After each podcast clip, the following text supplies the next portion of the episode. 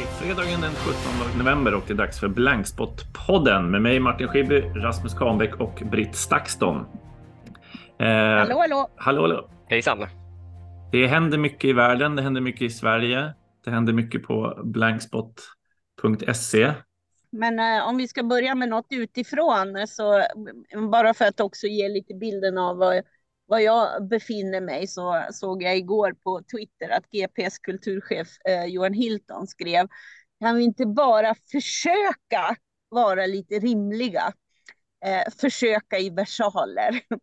Mm. Då svarade jag honom, nej, alla verkar faktiskt ha tappat det totalt nu. Eh, så där befinner jag mig denna fredag i november och man skulle kunna plocka upp precis hur mycket som helst ur den här galenskaps hatten. Eh, men eh, vi kan väl börja med en sån här liten eh, godbit i tokigheterna från veckan och det är väl Chalmers tekniska högskola som, ja, ja, privat stiftelse och inte myndighet som andra lärosäten Eh, är, men det är ändå ett universitet, säger nej till politiska manifestationer mot att studenter ska samlas i grupp för att diskutera åsikter och affischering och annonsering inne på campus är eh, förbjudet då. Det handlar ju om att man eh, känner en oro för det polariserade samhällsklimatet, vill skydda elever och personal Eh, med anledning av vad man uppfattar som är, ja, ett oroligt omvärldsläge som, som kan ta sig in på campus då, att det är så polariserat och arbetsmiljöskäl hänvisade man väl också till. Eh, och, och, man blir förstås nyfiken på vad är det här för, eh, hur ska de avgränsa det här? Vad går gränsen för de här samtalen i grupp? Hur ska det övervakas på campuset? Mm. Eh, och hur det står till med elevernas demokratiska fri och rättigheter. Och man, ja, man blir bara tokig. Ett universitet är väl om något en plats som liksom, där man ska utbyta tankar, åsikter, erfarenheter, bli smarta tillsammans öka sin kunskap, dåtid, samtid, framtid. Det är skogstokigt och om förbud är enda sättet på ett universitet att skydda dem, vad är egentligen den långa linjen av den här typen av resonemang som pågår på fler platser än på, på Chalmers? Dessa ständiga mm, tankar på förbud som lösningar på eh, den här typen av frågor är de helt skruvade, tänkte jag. Så nu har jag fått ventilera mig lite. Jag, jag, fick en ping från, från Rasmus innan du började prata om Chalmers som jag inte hann svara på riktigt på Slack, men ett nyhetstips som, eh, som lite är förleder till det här och som jag tyckte försvann lite Aha. i diskussionen, för det kom lite out of the blue ja. att demonstrationer skulle förbjudas, men det handlade ju om att ett, eh, ett vapenföretag kopplat till till Israel skulle vara med på någon jobbmässa på Chalmers, eller hur var det Rasmus? Med. Ja, men precis. Så att, så att bara, ja. Mm. Ja, nej, men dag, dagen innan det här uh, hände så hade jag kontakt, eller jag blev kontaktad av några, några aktivister i Göteborg som sa att uh, jo, imorgon kommer vi anordna en manifestation på Chalmers mellan 12 till 16 och uh, det, är, det är anledning av att ett eh, bolag som heter Elbit som uppenbarligen säljer eh, utrustning till israeliska försvarsmakten eh, skulle vara med på en jobbmässa på Chalmers. Och den här jobbmässan var delvis anordnad av studenter på Chalmers. Eh, så att det var egentligen ett eh, studenter med en ganska stark riktning i eh, sitt arbete i, och framförallt sitt stöd för Palestina ville gå in och ha en ganska stor manifestation. Så det höll på att bli någonting ganska stort. Eh, och där hängde man ut eh, eh personer som var med och eh, och anordnade den här jobbmässan. Så att, så att det, det, var ju egentligen en intern diskussion på Chalmers som föranledde detta med sitt meddelande så satt jag, jag satt faktiskt live-skrev med några av de här aktivisterna för att lite försöka ta reda på vad är det som håller på att hända och sen helt plötsligt skickade de över en länk att åh, nu har Chalmers uttalat sig eh, och då kom det här pressmeddelandet ut. Eh, så att det var väl det som föranledde det hela. Sedan mitt uppe i det här, när, vi, när, när du ställer frågan eh, eller när, eh, när du säger till Johan Hilton att eh, alla har tappat det, Eh, mm. så, så tänkte jag och så Eh, Eh, jag håller ju med om det, eh, men en, en ganska fin sak som hände var ju att eh, massa studentförbundsordföranden gick ut i en gemensam debattartikel i Aftonbladet. Både från vänsterhåll och högerhåll och det var både KD, M, MP, S, jag vet inte om V också var med där och L och så vidare. De gick ihop i en gemensam debattartikel och sa att nu måste vi få eh, demonstrera, vi måste få uttrycka våra politiska åsikter på eh, eh universitetsområden och lärosäten runt omkring i Sverige. Eh, så att det, det genererade ju en debatt utav, eh, där eh, eh där man kan se ganska, under ganska lång tid att universitet har, har försvårat just politiska yttranden på lärosäten och blivit dyrare under valkampanjer och så vidare mm. också eh, i, i det hela.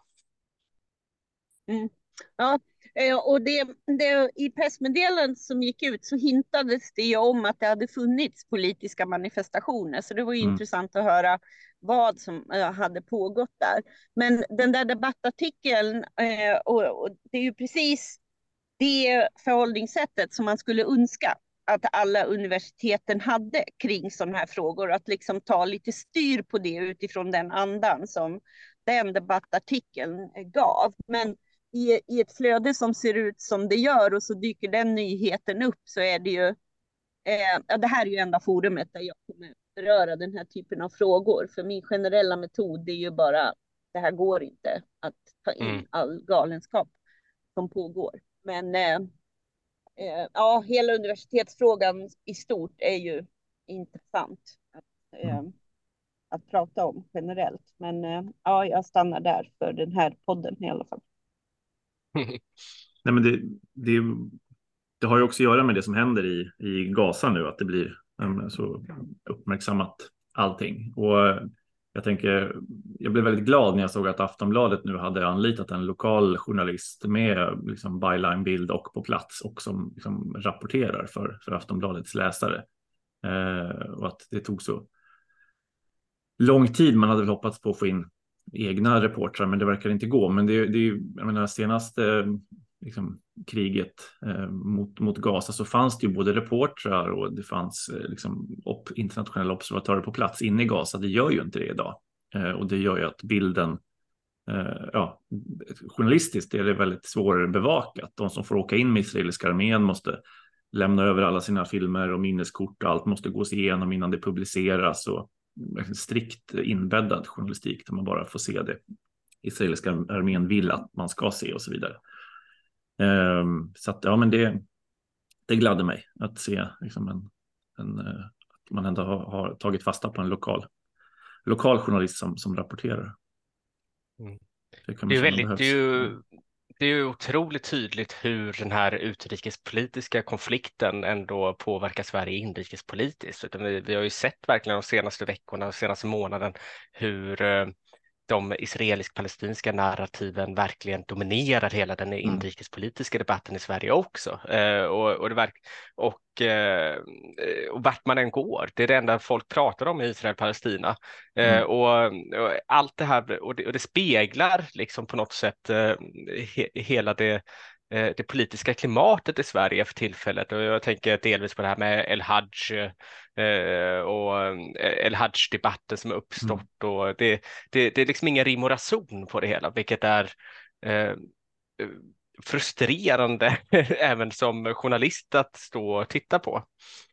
Mm. Ja, det är det ju verkligen. Och jag då som lever hela mitt liv i det digitala flödet ser ju i huvudsak den andra sidan bara.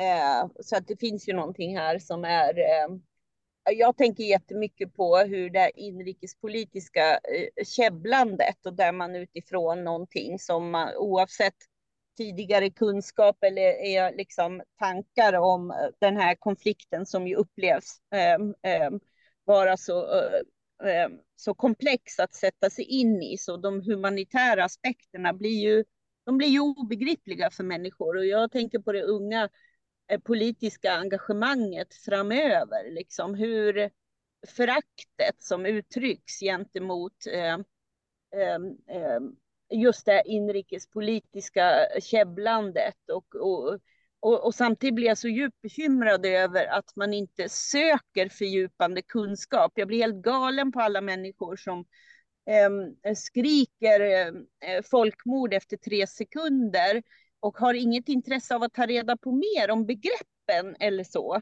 Och vad ett folkmord är och hur kommer saker förflytta sig i de här. Det finns ju så Eh, jag har tipsat så många om att lyssna på konfliktgenomgång där man ju pratar mm. med olika folkrättsexperter. Just det här att komplettera sin eh, förtvivlan över det som händer med något annat än att bara konsumera värre och värre och värre bilder. Man, man, det skapar ju en otrolig stress och frustration och, och ilska med all rätta, men den måste ju kanaliseras på på ett annat sätt än att döma ut alla andra människor som inkapabla till att känna samma sak och att inte tro att det stora flertalet av människor de facto känner likadant. Och det är ju jätteskrämmande att sitta där och konsumera sånt här och känna sig helt ensam om detta. Eh, och, och, då blir det inrikespolitiska käbblandet blir ju absolut inget svar på den, på, på den oro, ilska som människor känner för det som händer. Eh, eh, mot civila eh, i, i bägge scenario och, mm. och företrädesvis den stora mängden i Gaza just nu. Mm, mm. Jo, det blir också Eh, speciellt i relation till Lundin-rättegången där alla de här begreppen diskuteras dagligen om eh, krigets lagar, att det är inte olagligt att föra krig mot rebeller och det är inte heller olagligt att liksom göra uppror eh, alla gånger och föra krig mot en, mot en diktatur som, som rebeller med. Men det finns regler. Liksom. Du ska eh, skilja på militära och civila mål. Är det så att civila liksom, eh, finns, finns med i bilden så, så, så måste man visa att man, man tar hänsyn till det när man genomför de militära operationerna och så vidare. Det, det är också intressant att den liksom, folkrätt som man tänkte skulle vara helt uträknad för, för några år sedan att här är någonting som ingen, som ingen bryr sig om, som någonstans är överspelat. Det är något som alla liksom, hänvisar till och ser som det, det viktigaste som, som finns. Och, och problemet är väl bristen på sanktionsmöjligheter där någonstans. Att, eh, ja, ja. Det, mm. Ja, det är väldigt liksom, lätt att bryta mot krigets lagar utan att det får några, får några konsekvenser. Eller konsekvenserna mm. kommer decennier senare eh, och ofta då i efter en revolution eller efter att ett land har förlorat ett krig så ställs den förlorande sidan inför rätta. Mm. Ja, det måste ju vara en himla kontrast för dig som sitter i de här rättegångarna som ändå håller på i ett par år nu, eh, där allt går så långsamt och man går igenom allting punkt för punkt och eh, kollar på folkrätten och bedömer det mot, eh, mot något så konkret som den här mm. rättegången. Och sedan eh, följer man den eh, eh, det virvar utav debatt som finns runt omkring detta. Där mm. alla, där, där exakt samma begrepp ändå slängs kors och tvärs. Ja, men framförallt så det implicerar ju ett ansvar. Alltså, jag tänker det de är åtalade för det här är ju ett medhjälpsbrott. De är ju inte anklagade för själva ha gjort någonting brottsligt utan för att ha liksom hjälpt till. Eh, och det har de ju, menar ju åklagaren, gjort bland annat genom att till exempel berömma den sudanesiska armén. Eh, mm. Och det ses ju då som en uppmuntran till då fortsatta eh, angrepp eh, i de regioner där man vill utvinna olja. Och sen spelar det roll att de var ett bolag på plats som hade resurser och kapacitet och kapital. Eh, hade en turist rest till Sudan, så åklagaren på en av de senaste eh, genomgångarna och bara sagt så här, ja men ni gör ett jättebra jobb. Då hade inte det varit liksom, eh, skäl för, för åtal, men ute, ja, utifrån vem man är så, så ja, men ska man vara försiktig med att och, och, eh, ja, kasta, berömma eh, arméer för, för dess krigföring eller, eller vice versa. Att, ja, vi har alla ett ansvar liksom för orden och hur de, hur de mm. kan landa. Ja, verkligen. Men det, ja, eh, men det är spännande om... med det, men det är verkligen spännande med det från eh, Lundin-rättegången. I, I veckan kom det ju med förra veckans, mm. Ehm, eh, det som tog upp förra veckan och de är ju väldigt eh, spännande att läsa. Eh, eh trots den eh, starka dominansen av juridiska, liksom. Ja. Man, man lär sig otroligt mycket. Mm. mm. Jo, nu är det uppehåll fram till 28 november. Åklagaren är klar nu med all sin skriftliga bevisning. Och sen är det målsägande beträdena som har någon dag. Sen så drar Ian Lundins försvarare igång. Så det blir väldigt spännande sen när man kommer ha hela tidslinjen, kronologin och först från åklagarens sida och sen från försvarets sida så kommer man ju ja, mot slutet ha en väldigt sammansatt bild med allas liksom, argument och första gången så kom ju Lundinbolaget att kommentera skeenden i blocket som de inte har ja, egentligen sagt, sagt någonting om under alla dessa år. Eh, så att ja. Och bäst är ju din WhatsApp-grupp som är så jätterolig också för att mm. du själv har ett nytt sätt att lite rapportera där och så. Det är också väldigt kul. Det var väl förra veckan som var det Nieman Lab som hade en artikel över tio heta WhatsApp-grupper i medievärlden globalt. Mm. Mm. Då kände jag, they should only know about ja. this lilla ja. fantastiska grupp. Ja. För den eh, är ju, eh, ja men det, det, är spännande att se också din, eh, ja men hur du använder den kanalen. Jag vet ju det där hur du är så perfekt för nya sätt och det finns några aspekter av din din berättarförmåga som kommer till sin rätt där med de här korta talade summeringarna som du gör och så kompletteras det av 27 sidor text ja, någon vecka senare. Ja. Det är väldigt kul. Ja, nej, men jag kan rekommendera det. Ni borde ha era egna grupper också. Det kanske är ja. Ja. Eh, ett sätt att samla, samla liksom läsarna på ett väldigt, ja, väldigt nära sätt och så får de den där pushen i sina, i sina telefoner som Eh, sen är man ju för sig med i många WhatsApp-grupper man har varit med i länge och man vet att det kommer meddelanden och man, men man, man läser dem inte alltid. Så är det ju, men man vet att de finns där och man skulle vilja gå till dem. Eh, jag tänker mycket Ukraina-grupper och sånt. Där ja. har man ju tyvärr slutat mm. läsa eh, allt som pushas ut. Men ja, det gäller väl att få det, liksom, att, att det ska vara ja, men bakom kulisserna, känsla och gym. Alltså, det är inte länkar man ska posta där egentligen, utan det är ju någonstans bjuda på. Eh, bygga relationer i, i den gruppen mm. som ju är. Ja. Ja. Man, man, får påminna sig själv om att det är det man ska göra. Eh, mera kanske också. Det var mer så i början. Sen så blir det rätt att man börjar posta länkar. ja, nej, gå tillbaka till det ja, där kom, kombon. Liksom. Precis, ja, ja. Mm. Bägge, bägge sidorna behövs. Ja. Mm. Jag tror det. I, I Östeuropa har ju, eh, och i forna Sovjet så har ju Telegram-grupper som är precis samma sak som de här WhatsApp-grupperna mm. varit, eh, har ju dominerat journalistiken eh, och informationsflöden under flera år mm. i brist på oberoende medier. Så där har det verkligen varit ett sätt för för personer att kunna yttra sig även anonymt. Alltså det finns ju risker med mm. det, att, att allting är anonymt, men, men man gör det ju för att skydda sig från, eh, från staten eller eh, kunna kringgå olika saker. Så, det är eh, och, eh, så, att det, det har kommit ganska sent med de här WhatsApp-grupperna i eh, västvärlden. Mm. Tycker jag, och jag pratar om det i ganska många år, om att det, det borde komma mer, mer typ av direktdialog i journalistiken genom typ WhatsApp eller Telegram eller något liknande. Mm. Var, Kaukasien var en fråga i På spåret, var det det förra fredagen? Var det Alla mot alla kanske? Ja, det, det, spåret, nej, det, ja. ja det, var, det var Fredrik Lindström som ja. i, eh, i första avsnittet På spåret eh, sa att eh, de hade uppdaterat sin, sin prispokal som är en liten glob och nu har de lagt till Sydsudan berättade han. Jaha, ja, Men ännu har de inte lagt till Nagorno-Karabach så att det kanske kommer nästa upplaga skämtade han om.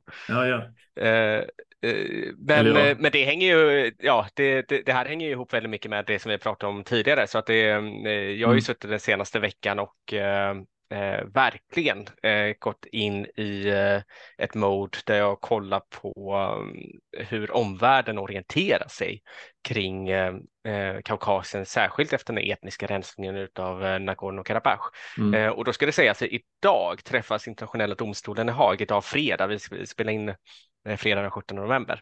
Mm. Eh, så i eftermiddag träffas domstolen och eh, ska just avgöra frågan var det en etnisk rensning det rörde sig om mm. eller inte. Och detta är ett begrepp som eh, också har med folkmordsterminologi och sånt att göra. Eh, så det blir väldigt spännande att eh, att ta del av vad internationella domstolen i Haag säger för att det här begreppet har ju, har ju EU-parlamentet använt, har de ju gått ihop tillsammans för att använda Eh, Europa, Europa, Europadomstolen, eh, eller vad heter det, eh, Council of Europe, Europarådets parlamentariska församling har också gjort det. Så att det, det blir ett jag tror att det kommer vara trendsättande i framtiden hur man kollar på Kaukasien. Men vad jag också gjorde här i veckan, det var att gå igenom de underlag som EU-kommissionen eller ministerrådet hade för sina eh, utrikesministrar här i veckan, den 13 och 14 november, eh, där de faktiskt skulle diskutera delvis Nagorno-Karabach, men de diskuterade alla eh, konflikter som är i vårt närområde. Och eh, de tre konflikterna som är i EUs närområde, det är ju Ukraina, det är Israel, Palestina och det är Nagorno-Karabach-konflikten. Och, de, eh, och det är tre stycken väldigt brinnande och prioriterade eh, konflikter. Mm. Alltså så just nu sker det verkligen en eh, förflyttning i hur västvärlden eh, kollar på Kaukasien. Vi har ju delvis det här med att eh, EU-kommissionen rekommenderade kandidatstatus för Georgien. Vi har Armenien som faktiskt gick ut i veckan och sa genom sin utrikesminister eh, sa att vi vill, vi vill också ha kandidatstatus. Eh, så att nu har de börjat inleda en ganska konstruktiv och eh, konkret process för att närma sig EU från armeniskt håll. Eh, medan Azerbajdzjan å sin sida har ställt in tre stycken fredsförhandlingar på toppnivå med västvärlden, senast med USA. Ehm, och föreslår istället att man ska närma sig Ryssland. Eh, så att eh, här ser vi en, en splittring i Kaukasien där Georgien och Armenien ställer sig på västsidan och Azerbajdzjan vad det verkar för tillfället är, upplever att man kanske inte behöver västvärlden så mycket eh, mm. längre ur ett politiskt perspektiv i alla fall. Ehm, eh, och ja, men det, det är spännande mm. att, följa för att för i, i allt detta så som det går till är att eh, EU-kommissionen lägger fram en rekommendation. De gör någon form av egen bedömning eh, och sedan går de till ministerrådet som då ska komma med sin input och då får ju medlemsländerna, de 26 medlemsländerna, däribland Sverige, tillfälle att uttala sig. Mm. Ehm, och om detta kommer en granskning som jag inte kan säga så mycket om just nu, men den kommer inom ett par veckor mm. på hur Sverige ställer sig till en förändrad syn på Kaukasien. Ja, ja men spännande. Eh, jag tänkte det var så fotbollsmatchen igår i Baku mot, mot Azerbajdzjan. Det var mm. oerhört lite. Du, du, gjorde en fantastisk fin intervju. Modig människa, Axel, som eh, pratade eh, med dig där, regnbågsaktivist liksom, från Azerbajdzjan. Mm. Annars var det inte mycket om man tänker att, att medier skulle plockat upp hela Nagorno-Karabach och allting i samband med matchen, men det var på något sätt mindre än vad det var förra gången när matchen var i Stockholm. Då kändes det som att det bubblade lite om att det här är en, en, en diktatur som kommer hit och spelar fotboll och så vidare. Ja. Ja, det, det, kan ju finnas en trötthet i det också för att mm. eh, vi får ju tänka på senaste landslagssamlingen som var i eh, Belgien så var det två mm. stycken svenska supportrar som faktiskt dog. Mm. mm. Eh, så att jag tror att mediers fokus eh, låg på säkerhetsläge för svenska mm, mm. supportrar. Det var ju faktiskt flera redaktioner som valde att inte skicka journalister på plats till delvis via, via Play som faktiskt sände mm, matchen. Mm. De hade ju inga reportrar på plats i eh, Azerbajdzjan. Mm. Nu handlade det, jag tror att de eh, mer eller mindre skyllde på terrordådet i, i Belgien snarare än att det faktiskt var en kostnadsfråga och att intresset för mm. matchen var ganska låg på grund av att Sverige redan åkt ut. Mm. Um, men um, det, det är ju spännande de här diktaturerna att det blir ju ett uh, under internationella evenemang lika mycket som det är ett sätt för diktaturen att sportswasha så är det också ett sätt för aktivister att visa upp sin aktivism mm. för omvärlden. Eh, och, och, när de här sportevenemangen sker så vill inte de här auktoritära regimerna fängsla för många människor. De vill inte att det ska synas allt det här så att det, det blir liksom ett, eh, ett, ett, ett gråskala, ett lite mellanläge eh, där, där aktivister faktiskt kan ges möjlighet att prata om sina frågor. Och här fångar det inte mm. svenska medier upp det trots att de faktiskt hade kunnat träffas. Eh, mm. träffa aktivister och så vidare. Mm. Ja, och ett annat apropå eh, Blankspos roll att, att fånga upp det. Eh, bara nämna, du skrev en, en granskning av bankväsendet och nya finanslagar i våras här, bland annat en biståndsorganisation som hade fått sitt bankkonto nedstängt för anklagelser med pro-kurdiska sympatier och kopplingar. Eh, och det var något som plockades upp av turkiska utrikesutskottet när de diskuterade eh, ja, Sveriges NATO. Eh, ja, anpassningar till, till NATO och så vidare som en, som en oerhört positiv grej. Och du var den enda som har skrivit om det mm. i, Sverige så att uppenbarligen så läser turkiska diplomater blankspot. så om, vi, om vi väl kommer med i NATO så har alla dig att tacka Rasmus. Det var, ja, just det. det är, och hela äran ligger på mig. Ja, precis. 99 artiklar om eh, ena vågskålen. Det räckte med en. Ja, i den andra. I den andra. Ja. Eh, men jag tänkte Britt, du skrev ju också en, en eh, text som eh, publicerades om, eh, om Musk och X och eh, du har varit intervjuad en hel del nu med Mastodont, heter det Mastodon? Eh, och, och eventuell, Sky och andra. Ja, Google Sky och liksom eventuell flykt. Mm. Flykt mm. dit. Jag tycker vi snarare tvärtom. Det känns som att Twitter blir tork ännu mer central som en bara galen politisk torktumlare. Eller? det, eh. ja, Ja, men eh, alltså jag försökte bara skriva en text som lite mm. summerar mm. hela Musks ledarskap som ju bara blir mer och mer pro problematiskt igen mm. i veckan. En diskussion om um, hans fab fäbless för att sprida antisemitiskt innehåll, antisemitiskt mm. innehåll. Eh, och, och, har ju under åren också visat prorysk och pro-kinesisk eh, liksom, retorik. Eh, eh, eh, och han är väl den största vinnaren av hela Twitterutvecklingen. Han är ju den som har mest eh, Twitterföljare i hela världen eh, och Eh, har ju, har ju liksom en ökat sin, sin, eh, eh, sin makt på, på något sätt genom att ge, ge sig in så mycket i det han ändå lyfter fram eller lyfter undan på olika sätt och vis på, på den här plattformen. Men Twitter, jag säger ju det i texten också, att även om det finns och det har bubblat alternativ under hela liksom, Eh, Musks eh, det är väl många som har försökt skapa runner-ups tidigare, men särskilt när man har sett utvecklingen så har han ju har ju bubblat upp alternativ. Och då är det ju absolut att man ser en liten tillväxtboom på dem och då är väl kanske Blue Sky det som verkar användas av flest i en svensk kontext. Jag har ju använt den för att följa internationella, framförallt forskare om desinformation och allt det där som jag är lite special, specialintresserad av och då valde jag att göra det för att det är så svårt att hitta dem på Twitter. Många av dem har slutat vara på Twitter. Eh, jag vägrar säga X by the way, uh, the, at the end of the day så är fortfarande URL en Twitter. Så länge den är det så fortsätter jag säga Twitter. Mm. Uh, men så då, så dels är det en text som summerar lite varför det finns en viss tendens till att prova lite andra. Så Blue Sky, men alltså inget kommer ersätta Twitter på det sättet. Men för mig är det ett skönare ställe att gå in på istället för att slippa. Jag pushas ju hela tiden till innehåll jag inte vill se mm. på eh, Twitter och, och, får ju också pingar om saker jag absolut inte vill se som bara rekommenderas mig av en outgrundlig anledning. Det är inte alls det jag har valt att följa eller är intresserad av. Eh, men Twitter är ju oslagbart i alla katastrof och krigssituationer och eh, är ju eh, det, det stora värdet av att eh, även i en svensk kontext är det fortfarande en plats för att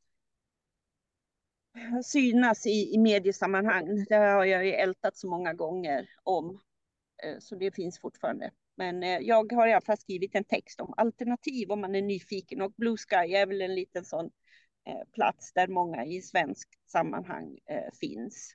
Mm. Och sen är det väl Instagram threads är väl det som är den stora grejen som alternativ till Twitter, men det är på grund av eh, Metas eh, trubbel med EU finns det ju inte i Sverige, men den verkar ju vara jättestor och bärande i på samma sätt som Twitter är eh, i de, på de marknader där det finns. Så det är man ju nyfiken på, att Mm. få eh, se ett genomslag på, i EU om det blir av. Är Mm. ni på Blue Sky? Ja, jag är Ja. väl där eh, och får eh, och lägger upp alla artiklar, men får ju väl inte så mycket interaktion så att det eh, ja, jag, jag, jag tröttnar ganska snabbt. Om jag Jag ska Man har ingen ork för att bygga en ny community så, men jag satte mig faktiskt och dunkade in ett par intressanta följare och då är det enklare för mig för att det är faktiskt så att de inte är lika aktiva på Twitter och dessutom är det helt obegripligt. Har ni provat söka? Man måste ju använda avancerad sök på Twitter för att få något värde av det. Men bara en sån här Mm. enkel grej om jag ska pinga någon av er. Ni ska inte tro att det bara räcker med att jag skriver i två bokstäver av era förnamn och att mm, tidigare hade den känt av att det är er för att jag har interagerat mest med er av alla på Twitter. Alltså ni är inte ens rekommenderar namnet. Det är sådana Mhm. här tok, små saker som är så här hostigt Twitter. Jaha. Liksom. Men den eh, kan väl vara kul att läsa om man är lite nyfiken på den här utvecklingen. Eh, Men framförallt Mm. väntar man på Threads tycker jag. För den verkar fungera väldigt väl. För Mm. längre Mm. samtal och eh, kanske en lite annan ton än den som absolut finns på Twitter. Mm. Eh, Jag såg att hon Myra Årbäck Öhman heter hon väl. Hon sa som blir blockad om du pratar med henne. För att det har ju blivit så tokigt att det är en symbol för liksom eh, konspirationsteoretiker och massa annat tok. För totalt devalvering. Å andra sidan är det ju som du märkte Rasmus att det bidrar ju till en större synlighet. Jag valde ju att inte förnya. Nej, jag har inte förnyat, så eh, jag har eh, ingen blå längre, utan jag hade, jag hade det i en Ja. månad i september Ja, när ja. det var etniska rensningen på gång. Eh, För Mm. jag ville testa, och, och framförallt var det ju en frustration innan den här etniska rensningen att okej, men nu har de ändå gjort någonting på Twitter som gör att man inte Ja. får någon interaktion och sedan eh, då tänkte jag, jag testar att betala och se om det blir någon skillnad. Eh, och det blev det inte. Nej. om jag ska vara helt uppriktig. Nej. Det, det hände ingenting, så att det, det var bara Eh, jag, jag upplevde ingen skillnad eh, och eh, jag gick in med ingångsvärdet att jag kommer inte testa alla de här specialfunktionerna utan jag ska bete mig precis som jag gjort hela tiden eh, och inte göra någonting extra Mm, liksom. mm. Eh, Mm. Så att det, och sedan glömde jag bara stänga av att jag inte ville betala efter en månad. Så att jag fick, jag fick ha det i två månader. Ja. Jaha, vad intressant. Det är ändå många som, men då kanske de har jobbat aktivt med att använda Gans, eh, Musk och eh, Twitter-spaning helt enkelt som väl lär fortsätta. Men eh, ja, det är klart. Alla sätt för människor att göra sina röster hörda när eh, risken inte alls ges tillträde visar sig ju vara jätte, jätte, jätteviktiga igen. Liksom. Mm. Eh, Du föreläste såg jag igår här på temat demokrati och digitalisering. Vad, vad, vad får du för Ja. frågor då Britt? Alltså hur går diskussionerna liksom? Är, är det en... oh, upprörda diskussioner utifrån min, ja lite också perspektivet av att text som jag skrev för några veckor sedan var ju att eh, sluta dela men sluta inte Ja. agera eller reagera och Mm. så. Och då tog man inte till sig de här lite mer komplicerade resonemangen av, av källkritik och att det är så absurt idag att det finns de som bygger konton genom att publicera fruktansvärt innehåll. Mm. Eh, och liksom den här mekaniken som sker och den här medielogiken som alla flörtar med. Och man är ju förtvivlad, man vill nå ut med sina budskap och det är väldigt få som tänker på de tysta betraktarna. Man vill hela tiden finnas med i den här mediala surret och det, det, det har ju ett pris som jag utmanar lite i resonemangen om. Mm. Liksom.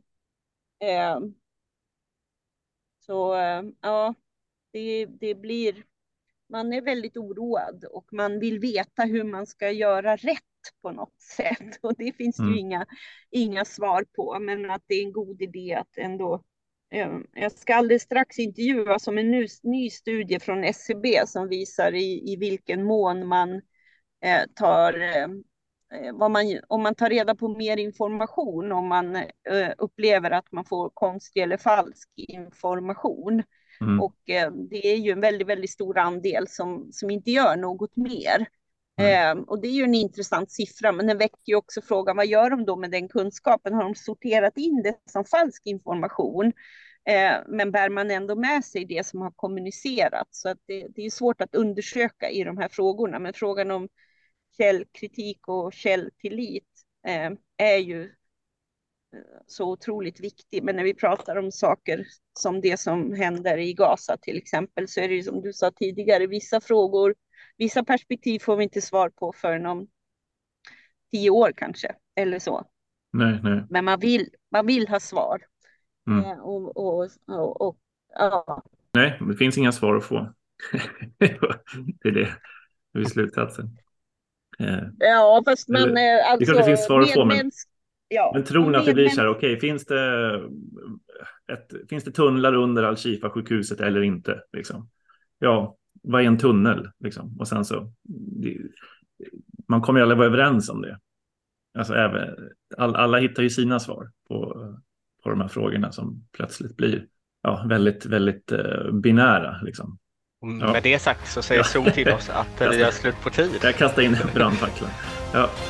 Ja, men fint. Med det säger vi ja. Eh, trevlig helg och vi ses och hörs nästa vecka. Det gör vi. Ja, bra. Det gör vi. Hej. Ha det gott.